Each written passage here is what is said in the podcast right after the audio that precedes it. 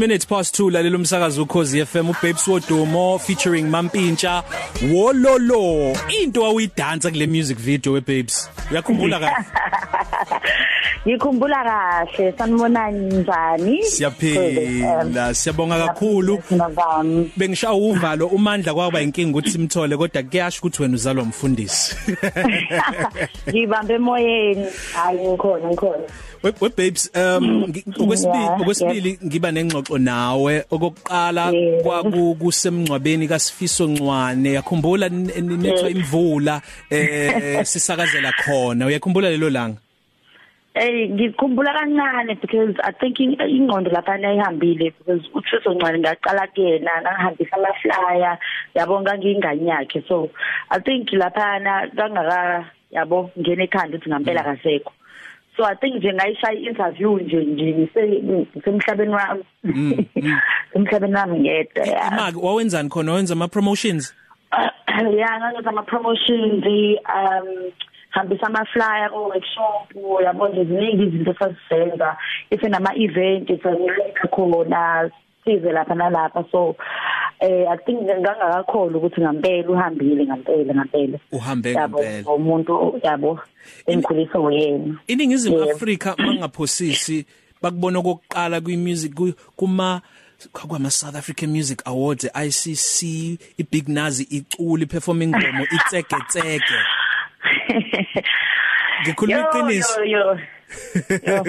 Bede wami uskepe kukhala amatseke tseke amatseke tseke ageke sawugibela. Imake yeah qhubeka i think that yabonga le yalanga leliyani um i think kangaplani ukuthi ngizongena stage uh kabe umampintsho nje wathi yazi ukuthi ngeke tire lo mela ngene stage kwaphela yena ucela amatseke tseke ngiyaqala ukungena stage angazi ukuthi ngizothini ngabantu ngizonza ngithi kodwa kuba mina ngaqathaza le mic ngizotrend kanti ngizovele ngithende ngalento yabo ibele lelami lento ama pairs la kubamba ibele. Yebo hawo ngabe sengithendile ngaqala lapho ke utrend nangevosho ngoba yey kwakungevosho kuwena ngaleli yalanga eh babeqala ukubona umuntu osifazana udansisa komfana. Manje sesibaningi phela ngoba phela italent abanye so bebukela kuwena. There is a privilege and an honor ukuthi abantu babukela kumina bakhulu bayabuka. Bathi nje kahle kahle mina umuntu osifazana oqala eyidansa kanjani sifisa ukubongela babes album yakho yesibili dandokazi. Yes yes yes. mana sini sizathu sokuthi anivelanga nayenza i pre promo social media nathi izophula nave nayikhipha nje? Um I think abantu bebeyazi ukuthi bengihekhiwe ku ku Instagram. Um u Twitter sisawulungisa. So um ngivele ngaba nalento ethi okay yazi ukuthi ngoba i-lockdown hleli asenzi lutho eh and futhi nama fans ami wonke umuntu ade bethi ubhesukephi ubhesukephi i think ngikhetha ukuthi ngibeke inkinga eceleni othi ngenza into engijabulisayo othi ngenze into ehlezi ingenza ngibe right. Yabo. So sahlala e-studio. Asiqedanga ngisho inyanga siqedanga umapintsho eshaya ukhuluma clip ngishaya idandokazi yeah. Yabo kuyasho ukuthi lento ikuthini so ngayenza ngayenza ngayenza. Eh khona bekunzima ukuthi iphume um because ziningi izinto uyazi phela e-studio niyaxabana uproducer yabo ngibe ngiqabana no skills no rock boy. Yabo nje but i think umthandazo iyonto ebalekile ngoba bengihlezi ukuthi mengithi mesongena e-studio ngithi asithandazeni ngithi uNkulunkulu ngicela wenze umoya wethu ube munye. I think iyona into eyenza ukuthi ama album aphuma ahambe kahle. Now babes um ngiyazwela mina futhi ngiyashesha ukukhala. Nawe ngiyazi nawe ngiyazi ukuthi uyazwela futhi uyashesha ukukhala. Ngiyashesha ukukhala. angifuni ukukhalisa yini ongeke uzuthande kule ingxoxo yethu ukuthi sikhulume ngayo? Sivele sisheshe siyikhiphe nje khona kule mibuzo yami engangiqhamukela ngeke ngize ngibuze. Ah ay ungabuza noma yini? I think sengikhule kakhulu sengikhulile eh nokuphendula futhi eh sengiphendula ngenyindlela yabo? Uzothi wongena lapho uzobona ngami uzobona ngami ngikushift ake ake sizameke babes. Namhlanje si usuku olukhulu la umhlabi kakhulukazi Melika. Well emhlabeni wonke jikelele ama fans ka Beyonce athe chithi saka. uBeyonce abaningi bayamgxeka ngenxa yokuthi konke okwakhe kuhle muhle yena ucula kamnandi udansa kamnandi amashwa amnandi impilo yakhe right. Ubabes wodumo akanqeni ukusikhombisa ngenzeka kumabona kude ngenzeka ku social media izinto uBeyonce angazivezi. Ukukhala kwakhe makuukuthi makuukuthi uthi uMandla mabenzi i-live uMandla athi twi ambuza ukuthi hayibo wenzani Mandla? Ngayibona leyo live ngayibona leyo live. Eh, eh. kudalwa yini lokho ukuthi ungabi nokusaba ukuthi umhlaba uvezele okuhle? Mhlambe ngingathi okubi o nokubuthakathaka futhi. Eh ngicabanga ukuthi asithi umhlaba noma amafans bafana njengabafowethu nobubethu bafana njengomndeni but kuya ngokuthi phela khona abantu abakuthanda khona abangakuthandi hmm. kwangisiyona imali yabo. So mina ayikho into engiyifihlayo ngoba angaze ngifihle ngisho nasekuqaleni ngingena ku music industry angikaze ngifihle lutho so why manje ngizofihla manje? So eh ukuthi phela uBeyonce uyohleze uBeyonce ufuna ukuba muhle. I think wathi meqala ilokuza yakhe eqala ukucula nazonke lezi zinto icareer yakhe wathi nje ngifuna ukuba muhle utshela ama PR ukuthi ngifuna nje ngihleze ngimuhle eh kanti sabantu ukuthi thina siyawenza amaphutha. So mina i think ngifuna ukuthi abantu bawabone amaphutha ami Mm. eh bakwazi ukungibonisa ukuthi ngike ngihlalisa ama celebrity phansi amanye. Try back to subhedile la ngisho nasesontweni. Try ubhedileke lapha bengamele uyenze leyo live bongabe yabo i think sikhula ngamaphutha and mm. nanokuboniswa ila usukhula khona. So uyabo mhlawumbe uma wabuza uBeyonce ungathola ukuthi une stress esikhulu because uhleze ezenza emuhle njalo ngabantu anibese sibone neside lakho eliye singazi. Yabo. Bara ngisho ukuthi uright phela. Yeah. Ngike ngakubona ngiyakuresearcha kakhulu eh kakhulukazi social media. Mawuke wathi nje live nami sengikhona ngiyakubuka. Ngeke ngakubona wenza imedley ufike wathi kule medley yengoma futhi elamont emveni kwalokho wasuthi you came from heaven to earth. Hayibo sisuke sisuke from gqom to gospel. Kanjalo nje.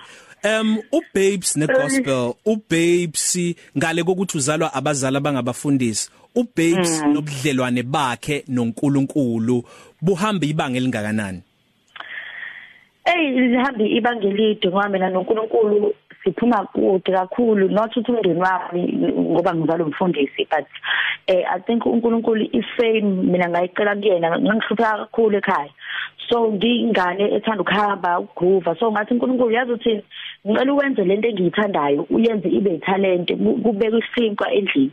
Yabo ngoba abanye bethu asifundanga right? Mhm. eh asikwazanga asikwazanga ukuqhubeka because mozalo umfundisi eh bese isikhathi abazalana abanikeli esikhathi bayanikela. Ugcina usumile mhlawumbe umile for 2 months ungayi esikoleni uhleli. Kumele uze ngabazalana ukuthi namhlanje bayamthanda yini umfundisi.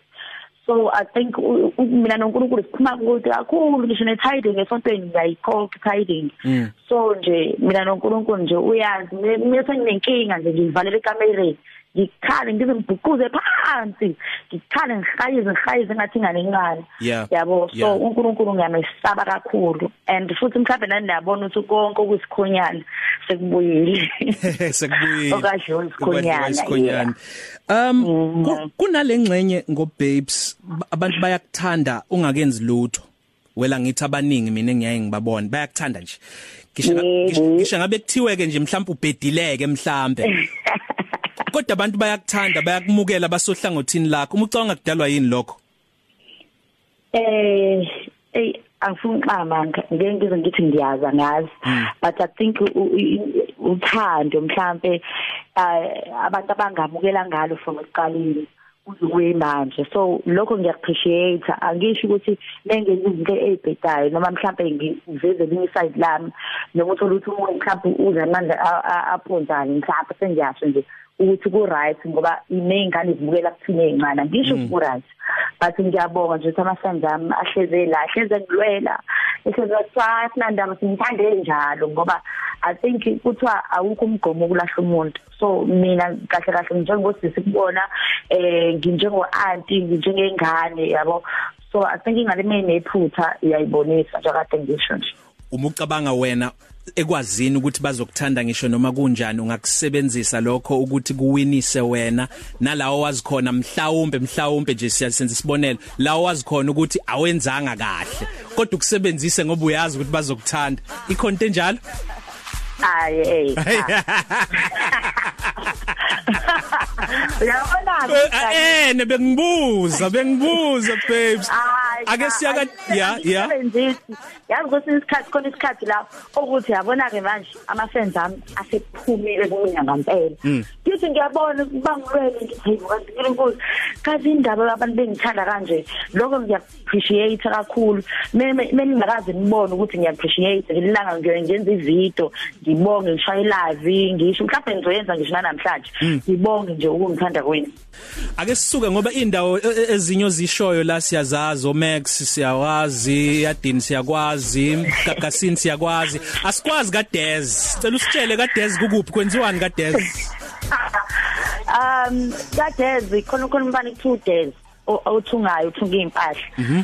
So la khona khona uDez unjenge club la khona khona ufica kugcwele imoto. Ukwazi oh. hayi lapha na ke khona uDez uma ibu uyafuqa ngempela nje yonke indawo la yahamba uyiclub ehambele so that's how ngiyongikhola kaDez sizoya kwezemidlalo ngayo ke yebo sizoya kwezemidlalo ngayo le ngoma we babes sizobe sesibuya sixoxa nawe kwenye ingcenye siyabonga nje ukuthi sixoxa nawe namhlanje. Okay ayikho inkinga sibasa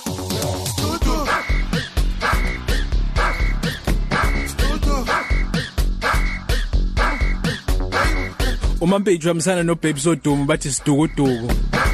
Tshela umlaleli utheni kumina mangithi mina sidlala isidukuduku?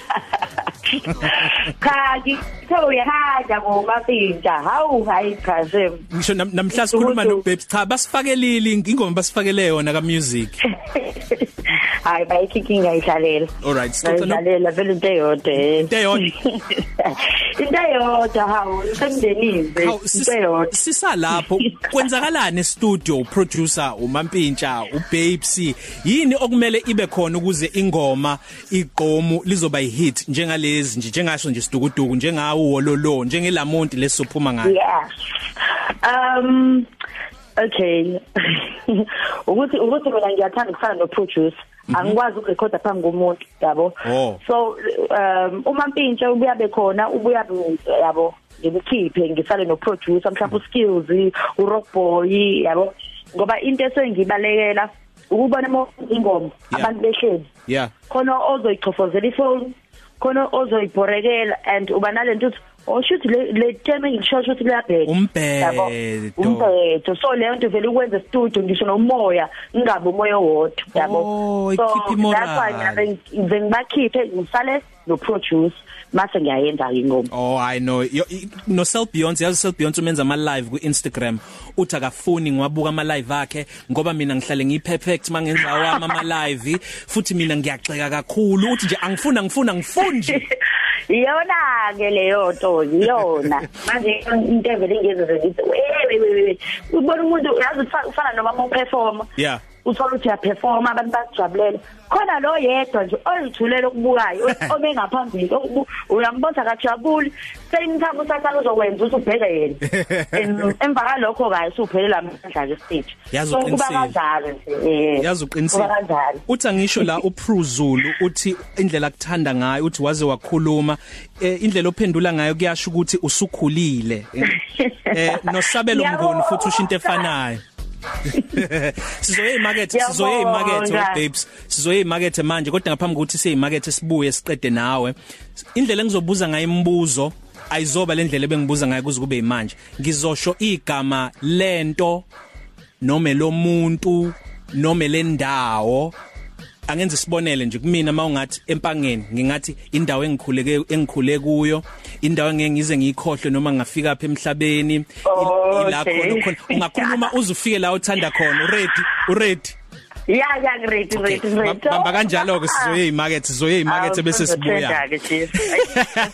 Khoze FM lihamba phambili sixoxa nobongekile simelana umagujwa waselamonti phenge Hawu yazi njengoba siphume emarket kukhona isikhangiso webabes eh la ucula khona. Ngicabanga ukuthi nje bathathe iwolo lo yebo.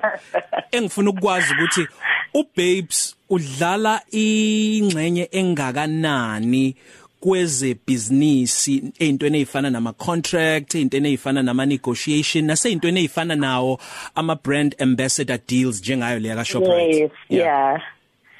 um into yokuqala nje moyazi ngethanda ngathi so nje into enemali phakathi ngiphakathi. Into enemali nje phakathi ya ngiphakathi. Ama business abalekile and ngibonile yabo nje kade kuyi lockdown mm. Uyabona ukuthi no akumele ume ngonyawo lodwa ziningi izinto kumele ngabe uyazenza. Yabo ngiyothiwa mekuvala ama event kavele kama and oh angithi shout out to, to Slender Slender lo mdansi manje so DJ yabo ziningi izinto engiyibona ukuthi mesizende unga ungacinga ukuthi uyi artist kuphela lokho ke nje abantu kumele bakwazi yeah. All right. Okay ngikutshelile ukuthi sokwenzani eh ngizosho nje igama lomuntu noma igama lendawo. Noma igama lento eh eh nekulula babes kulula. Okay okay. Relax. Ngikhifa umoya phela yabona nje ithi mangiqala out out ngivele ngithi nje amapiano. Eh amapiano into esidlulile into eyitshena ukuthi izogqiba igqom igqoma liyindawo lehleze likhona. But nalo kuyathanda okay all right. Okay. Um west ink eh iwest ink la ngikhulele khona eh but ngeke ngize ngifele khona njalo nami ngewena udumo so yeah. Okay. Ayiba Masichaba Ndlovu. Eh umuntu othanda indaba zabantu umuntu obuzo like umbuzo uthola ukuthi unalile lokho kuronke eh ama present angakwenzi lokho yeah. Yo. Uthusa mina asisheshe siqede le game elamont elamont okugcina okugcina khuluma ngelamont um elamonti i think ingoma engibe ngayo unkulunkulu ngayo for the second chance. Uh elamonti ilangikhulele khona uh, ilangishizile khona. Oh yeah.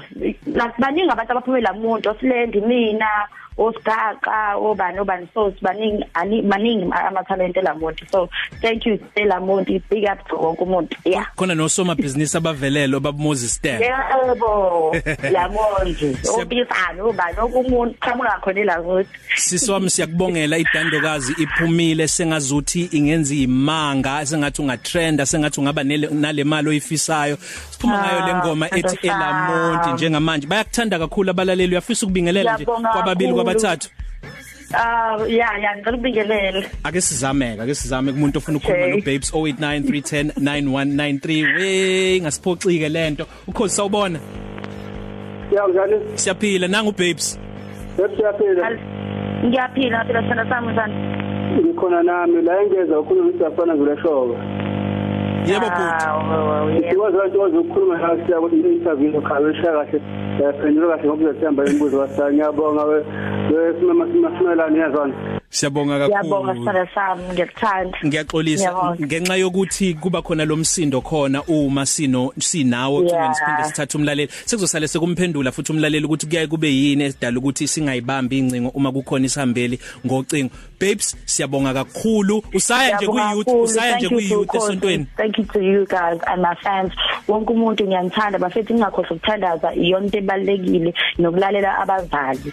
Njosa ama teenager nje. Yeah ngiyabonga kakhulu. Siphuma ngayo. Ngasathi udandokazi elawo. Siphuma ngengoma yakho noMampintsha no skills ethe Lamont sibonga kakhulu sis. Yes.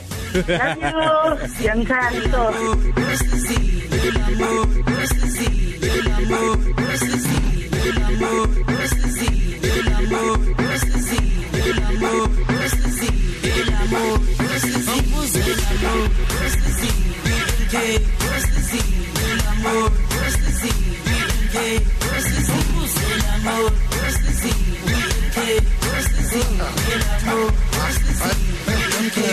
you. Ngiyamthanda